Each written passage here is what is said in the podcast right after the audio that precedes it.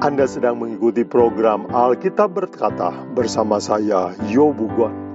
Jika Anda mempunyai pertanyaan Alkitab atau permintaan doa, hubungi kami di 0821 1610 1612.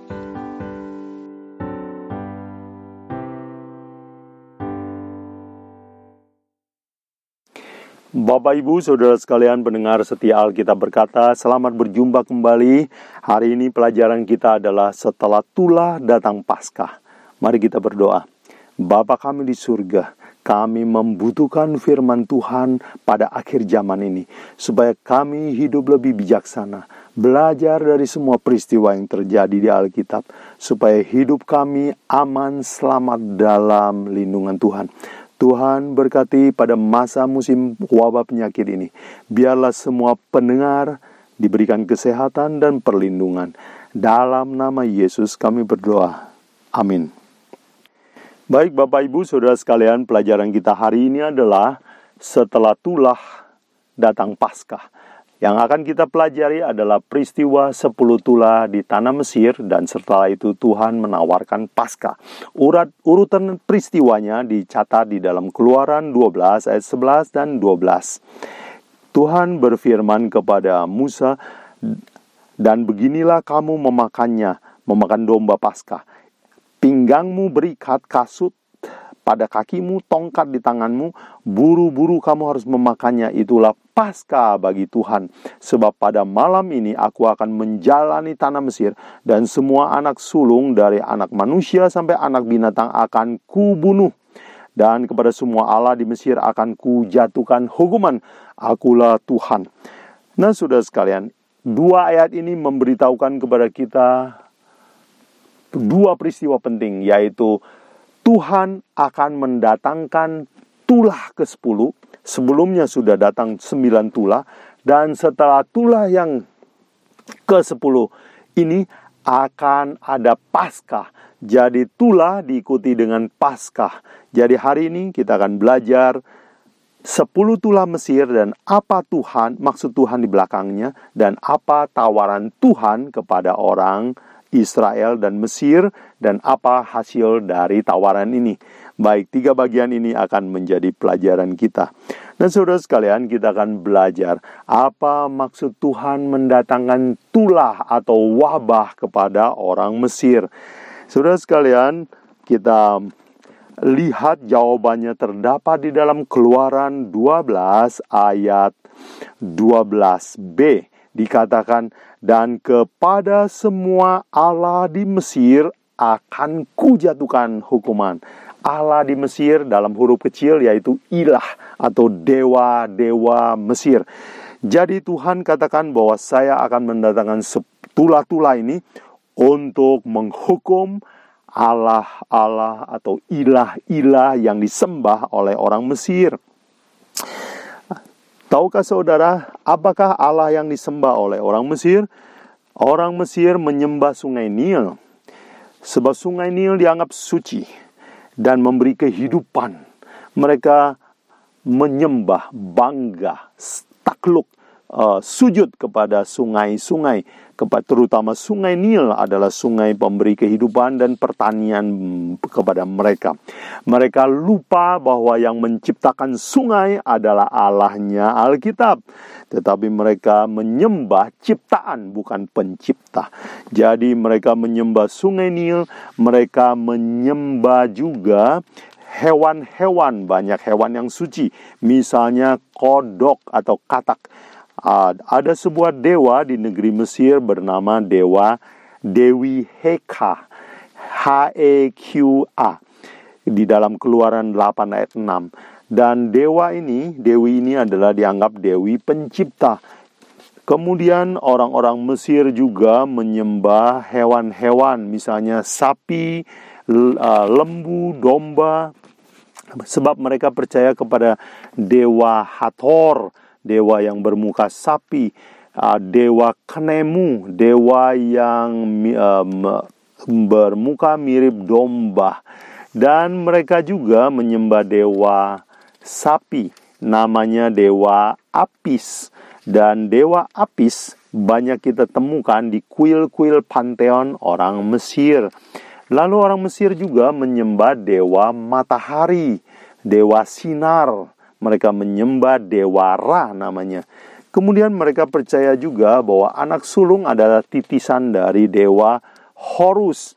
Mereka percaya juga Firaun atau raja Mesir ini adalah titisan dewa Horus. Dewa Horus adalah anak sulung dari dewa yang lebih tinggi yaitu Asiris. Jadi orang itulah ilah-ilah orang Mesir. Dan saudara sekalian, Tuhan mengadakan sepuluh tulah dengan maksud dikatakan tadi di dalam Keluaran 12 ayat 12 untuk menghukum dewa-dewa orang Mesir. Itu sebabnya apa yang Tuhan datangkan dalam sepuluh tulah ini dikatakan dicatat dalam Alkitab tulah pertama adalah sungai Nil berubah menjadi darah. Tuhan seolah ingin berucap kepada orang Mesir, Inikah yang kamu banggakan? Silakan minta tolong kepada sungai Nil. Saya ubah jadi darah. Dan mereka kesulitan air. Apa tulah kedua? Tuhan datangkan katak. Katak memenuhi seluruh Mesir, termasuk di istana. Seolah Tuhan ingin mengatakan kepada orang Mesir, Inikah katak yang kamu banggakan dan sembah? Silakan minta tolong kepadanya. Orang Mesir jijik sekali melihat kodok yang begitu banyak. Kodok katak yang seharusnya adalah dewa mereka justru menyusahkan mereka. Bangkainya bertumpuk-tumpuk, bangkai katak, dan baunya bau busuk sekali.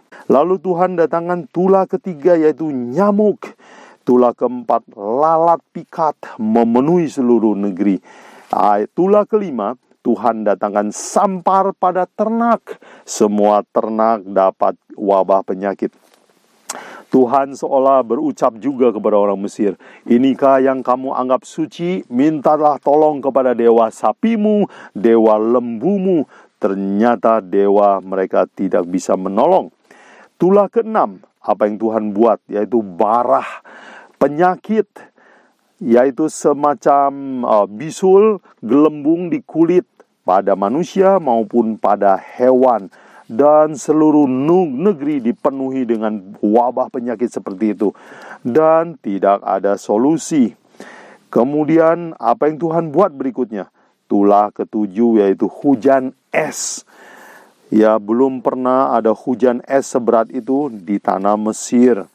Dan kemudian Tulah ke-8 yaitu belalang. Tuhan mendatangkan belalang yang banyak sekali memenuhi seluruh negeri Mesir. Dan sekarang sampai kepada tulah yang ke-9. Tuhan mendatangkan gelap gulita. Tidak ada sinar secercah pun di negeri Mesir. Apa yang Tuhan maksudkan? Tuhan seolah-olah berucap bahwa inikah dewa Rah dewa matahari yang kamu sembah, mintalah tolong kepada dia. Siapa tahu dia bisa menolong. Gelap gulita, Tuhan mempermalukan dewa Rah. Kemudian tulah ke-10. Anak sulung seluruh orang Mesir mati, termasuk juga anak sulung dari ternak. Tuhan menunjukkan satu kekuasaan yang besar dan teguran yang paling keras. Coba lihat apakah dewa Horus, dewa Osiris, sanggup menolongmu. Bukankah aku Tuhan Allah yang hidup? Aku adalah Tuhannya Abraham, Tuhannya Ishak, Tuhannya Yakub, Tuhannya Alkitab. Nah, saudara sekalian, pada musim wabah penyakit seperti ini, bukankah sekarang kita juga ditawarkan oleh Tuhan untuk berpikir dan merenung sejenak. Apakah semua yang manusia banggakan di bumi ini bisa menolong kita dari wabah penyakit? Apakah ilmu pengetahuan kita bisa menolong kita? Apakah kemajuan teknologi yang kita banggakan di abad ke-21 ini bisa menolong kita? Apakah uang yang manusia cari siang dan malam dan menjadikannya sebagai mamon berhala yang mereka puja sepanjang hidup mereka bisa menolong? Apakah kekuasaan dan politik yang manusia berusaha mencarinya mati-matian dengan berperang dan mengorbankan banyak waktu, uang, dan orang lain terdapat kuasa? Apakah kekuasaan bisa menolong kita dari wabah seperti yang kita alami sekarang ini? Saudara sekalian, bila mana saya membaca di Alkitab bahwa Tuhan berfirman kepada Musa, kalau di antara orang Israel ada yang kena wabah penyakit, mengeluarkan lelehan dan kulitnya ada bercak, yaitu kena kusta, kamu harus karantina dia, singkirkan dari pemukiman dan uh, dikurung. Nah saudara sekalian, itu adalah nasihat Tuhan kepada Musa 3500 tahun yang lalu. Bila mana saya membaca berita tentang COVID-19 ini, kita dinasihatkan hal yang sama. Orang yang terinfeksi virus ini harus dikarantina, dikurung. Jangan bercampur dengan orang-orang lain. Saudara sekalian, bukankah ini menakjubkan bahwa apa yang kita lakukan persis sama dengan yang Musa lakukan 3000 tahun yang lalu. Kalau begitu, di manakah kemajuan ilmu pengetahuan yang kita bangga-banggakan? Ternyata untuk pengobatan corona, kita tidak maju ke mana-mana. Kita adalah manusia yang lemah, menyembah sesuatu yang salah. Nah, Bapak Ibu, Saudara sekalian, jangan salah paham. Ilmu pengetahuan dan teknologi itu berguna, tetapi bukan untuk disembah. Yang harus disembah dan jadi andalan uh, yang akan memelihara nyawa manusia di bumi adalah Tuhan pencipta langit dan bumi. Tuhannya Alkitab, Tuhannya Abraham, Ishak, dan Yakub, bukan ilmu pengetahuan dan teknologi. Sudah sekalian, ilmu pengetahuan dan teknologi setiap hari berubah, setiap minggu berubah, setiap bulan keluar riset dan penelitian baru, setiap abad berganti dengan teori baru. Tetapi bagaimana dengan Alkitab? Yesus berkata di dalam Matius 24 ayat 35 langit dan bumi akan berlalu, tetapi firmanku akan tetap untuk selama-lamanya. Mana yang mau kita jadikan andalan? Ilmu pengetahuan yang bisa berubah setiap hari, setiap bulan, setiap abad, ataukah firman Tuhan yang tetap untuk selama-lamanya? Pilihannya ada pada kita. Bila mana kita membaca bahwa tidak ada obat untuk mengobati wabah ini. Dan kita dapati bahwa memang kekebalan tubuh yang Tuhan desain. Cara menjaga kesehatan seperti yang Tuhan berikan di dalam kitab Kejadian dan Keluaran kepada Musa cara itulah yang ternyata bisa memelihara hidup kita. Bukan teknologi dan farmasi yang hebat-hebat. Saudara sekalian Mungkinkah dari saat wabah corona ini Tuhan sedang meminta kita untuk merenung apakah sains dan kemajuan teknologi yang kita banggakan itu bisa menolong kita? Saudara sekalian, bagaimana dengan uang? Apakah uang bisa menolong kita di saat musibah seperti ini? Ternyata uang juga terbatas, saudara sekalian. Negara mempunyai banyak uang untuk dibagikan sebagai subsidi kepada rakyat-rakyat yang kehilangan pekerjaan. Tetapi bila mana wabah ini berkepanjangan, apakah uang kita akan cukup? Di musim lockdown atau pengurungan seperti sekarang ini, kita dapati bahwa uang tidak bisa berbuat banyak Mungkin kita bisa membeli makanan, tetapi mungkin makanan akan persediaannya menipis. Mungkin kita punya mobil yang bagus di parkir garasi, tapi kita tidak bisa setir ke mana-mana. Mungkin kita punya pesawat terbang, tetapi pesawat terbang dilarang terbang sekarang. Mungkin saudara bisa beli tiket, tetapi pesawat terbang telah dilarang terbang di berbagai negara. Jadi saudara sekalian, di manakah kekuasaan uang? Uang pada saat seperti ini terbatas saja gunanya. Jadi Tuhan menawarkan mengajak kita untuk merenung apakah uang layak untuk disembah siang dan malam atau Allah yang dipercaya oleh Abraham, Ishak dan Yakub itu Allah yang patut kita sembah? Bagaimana dengan kekuasaan? Saudara sekalian, kita lihat pemimpin negara di dunia ini semua pontang-panting mencari cara untuk mengatasi virus ini. Kita lihat mereka dengan kekuasaan dan kekuatannya mengadakan pemaksaan untuk orang tidak banyak bepergian supaya mencegah penularan. Tetapi apa yang kita lihat angka-angka orang yang terinfeksi bertambah terus. Ya, kita berharap dan berdoa bahwa suatu hari akan rendah. Tetapi kita lihat bahwa kekuasaan politik, kekuasaan yang manusia rindukan ternyata juga terbatas gunanya. Jadi saudara sekalian, apa yang maksud apa maksud Tuhan dengan mendatangkan tula kepada orang Mesir? Yaitu supaya orang Mesir berpikir ulang Allah mana yang saya harus sembah. Begitu juga kepada kita yang hidup zaman sekarang. Apa maksud semua wabah ini? Tuhan ingin kita berpikir ulang. Apakah yang selama ini kita bangga-banggakan dan kita sembah di dalam hidup kita? Saudara sekalian, itulah bagian pertama dari pembahasan kita ini. Sekarang kita masuk ke bagian kedua, yaitu apa tawaran Tuhan setelah tulah.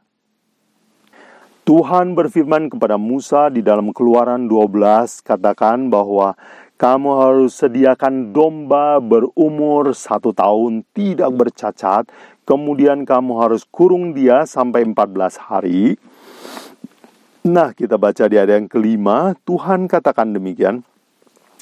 Anak domba itu haruslah jantan tidak bercelah berumur setahun dan kamu boleh ambil domba atau kambing.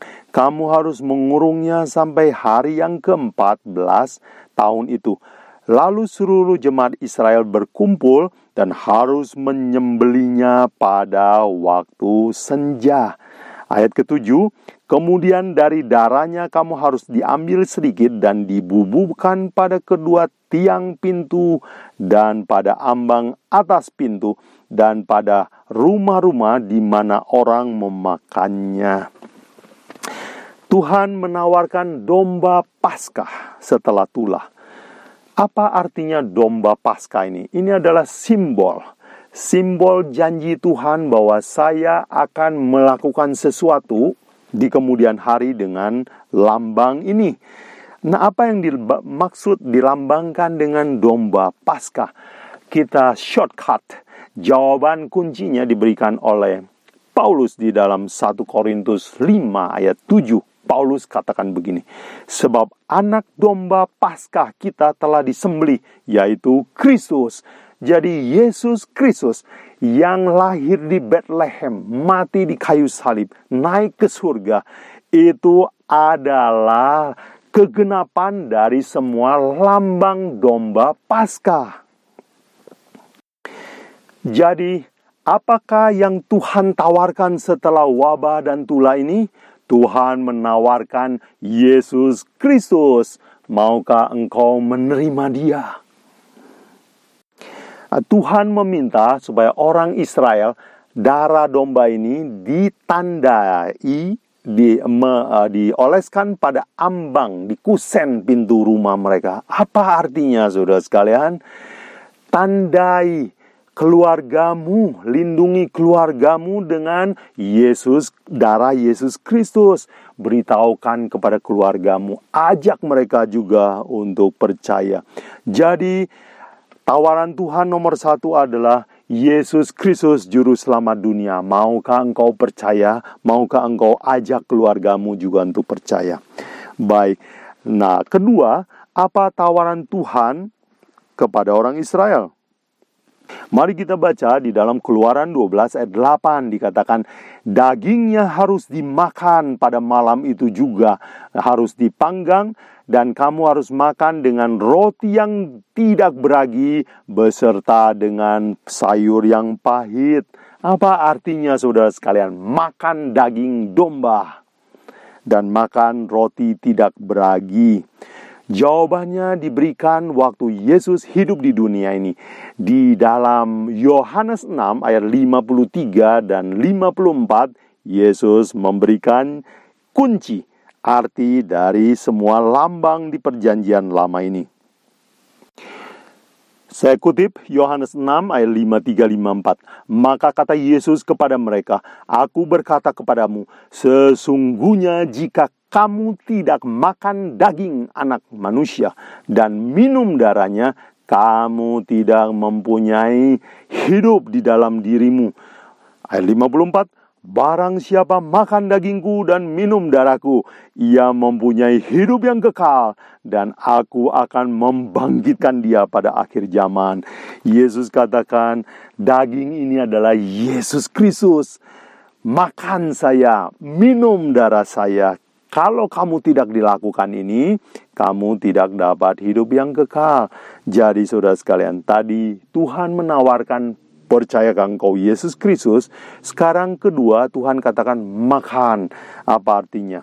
Kalau kita makan sesuatu, zat itu menjadi bagian masuk ke dalam sel-sel tubuh kita dan menjadi bagian dari hidup kita. Yang Tuhan maksudkan adalah jangan hanya kamu bilang percaya kepada Yesus Kristus. Firmannya harus kamu makan seperti kamu makan roti yang tidak beragi kamu makan menjadi kekuatan masuk ke dalam sel dan mempengaruhi hidupmu. Saudara sekalian, apakah firman Tuhan telah menjadi bacaan kita setiap hari?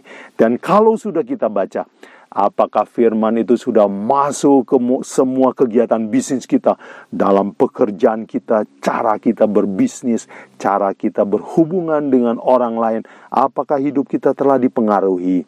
Kalau belum, Yesus mengajarkan kepada kita, makan firman saya, minum darah saya, makan uh, tubuh saya, yaitu belajar firman-Nya dan masuk ke dalam semua sendi kehidupan kita. Dan Tuhan katakan uh, di berikutnya dikatakan kamu harus makan sayur yang bersama dengan sayur pahit. Art, apa artinya sayur pahit? Tuhan sengaja menyuruh mereka makan sayur pahit untuk mengenang betapa pahitnya perbudakan di Mesir. Saudara sekalian, Tuhan ingin kita meninggalkan dosa dan tidak mau lagi balik kepada tempat pahit itu. Saudara sekalian, dosa menyenangkan, menjanjikan kesenangan, tetapi hasilnya kematian. Saudara sekalian, jangan kena tipu daya dosa. Di dalam Ibrani 11 ayat 25, Paulus mengatakan bahwa Musa tidak mau menikmati dosa yang sifatnya sementara. Dia lebih memilih bersama Tuhan. Jadi ingat saudara sekalian, dosa itu adalah pahit. Sepertinya enak, hasilnya pahit. Jadi tinggalkan dosa itu maksud Tuhan. Dan ini yang menarik saudara sekalian, ayat berikutnya di dalam Keluaran 12 ayat 10 ya ayat 11. Keluaran 12 ayat 11. Dan beginilah kamu memakannya. Pinggangmu berikat, kasut pada kakimu, tongkat pada tanganmu, buru-buru kamu harus memakannya. Itulah pasca bagi Tuhan. Tuhan suruh makan cepat-cepat, makan cepat-cepat. Apa artinya? Uh, orang Israel bajunya biasanya seperti jubah, jadi harus ada ikat pinggang. Itu artinya siap berangkat kasut itu artinya sepatu. Jadi makannya pakai sepatu tengah malam, uh, tongkat di tangan dan buru-buru katanya makannya. Artinya siap berangkat, jangan berlama-lama. Apa artinya? Tuhan ingin orang Israel kalau meninggalkan Mesir, Tuhan suruh segera lakukan. Itu artinya apa buat kita sekarang? Artinya Tuhan mau kita Kalau bercita-cita meninggalkan dosa, jangan katakan besok. Jangan tunggu tahun depan. Jangan berencana, tetapi lakukanlah sekarang. Keluar dosa dari dosa harus dilakukan dengan buru-buru. Ini sejalan dengan nasihat Paulus di dalam Ibrani 3 ayat 13. Paulus katakan demikian, tetapi nasihatilah seorang akan yang lain setiap hari selama masih dikatakan dapat dikatakan hari ini supaya jangan di antara kamu yang menjadi tegar hatinya karena tipu daya dosa ayat 15 tetapi apabila dikatakan pada hari ini jika engkau mendengar suaranya, janganlah keraskan hatimu seperti dalam kegeraman. Kapankah waktu untuk bertobat dan keluar dari dosa? Paulus katakan, waktunya adalah hari ini. Hari kemarin sudah tidak sudah lewat, Hari besok adalah rahasia Tuhan. Waktu yang Tuhan berikan kepada kita untuk bertobat adalah hari ini. Ingatlah saudara sekalian, bila mana Tuhan menggerakkan hati saudara untuk bertobat dan saudara tahu bahwa saudara melakukan dosa-dosa kesayangan, ambillah keputusan hari ini, bertelutlah minta kekuatan dari Tuhan untuk keluar dari dosa hari ini juga. Saudara sekalian, apa yang kita pelajari hari ini? Hari ini kita belajar apa maksud Tuhan dengan memberikan tulah dan wabah. Dan berikutnya, apakah tawaran Tuhan buat kita? Dan kita sudah belajar yang maksud Tuhan adalah supaya kita memilih Allah mana yang mau kita sembah. Dan apa tawaran Tuhan? Tuhan menawarkan Yesus Kristus. Dia datang ke dunia, dia adalah Allah yang datang ke dunia menawarkan pembebaskan keluar dari Mesir dosa langsung dari mulutnya sendiri memberitahukannya kepada manusia. Saudara sekalian, apakah pilihan saudara? Maukah saudara menerima tawaran ini? Tahukah saudara berapa banyak orang Mesir, orang Israel yang menerima tawaran ini? Menurut keluaran 12 ayat 38, sekitar 600 ribu laki-laki dengan keluarga mereka. Dan sebagian bangsa campuran dari Mesir masuk ikut dengan orang-orang Israel keluar dari Mesir. Jadi jumlahnya tidak terlalu banyak saudara sekalian. Saudara sekalian, kalau lihat jumlah, mungkin kita tidak tertarik untuk percaya Yesus Kristus, tetapi ini adalah pilihan pribadi saudara sekalian. Dan dari yang 600 ribu keluarga ini, hanya dua keluarga yang berhasil masuk tanah kanan. Apa artinya saudara sekalian? Beragama dalam Yesus Kristus tidaklah cukup, Tuhan akan menguji iman kita. Iman harus menghasilkan penurutan. Kalau tidak ada penurutan, kita tidak akan sampai di kanaan surgawi yang Tuhan janjikan kepada kita. Jadi, saudara sekalian, jangan hanya puas beragama. Kita harus mencari Yesus Kristus yang ada di dalam agama tersebut. Yesus berkata di dalam Yohanes 5 ayat 39 dan 40, kamu menyelidiki kitab suci karena kamu menyangka di dalamnya kamu dapat hidup yang kekal. Tetapi walaupun di dalamnya terhadap hidup yang kekal, kamu tidak datang kepadaku untuk memperoleh hidup itu. Jadi saudara sekalian, membaca Alkitab beragama tidaklah cukup tetapi menemukan Yesus Kristus secara pribadi, itulah yang akan menghantarkan kita sampai di kanaan surgawi yang Tuhan janjikan. Jadi, saudara sekalian, pada musim wabah penyakit ini, Tuhan menawarkan, apakah saudara bangga dan mengandalkan segala perkara-perkara yang kita manusia banggakan, atau saudara mau terima Yesus Kristus, Allahnya Abraham yang telah datang menjadi manusia. Dia menawarkan kepada saudara hari ini, pilihlah yang mana yang akan saudara percayai. Tuhan kita yang menolong kita semua.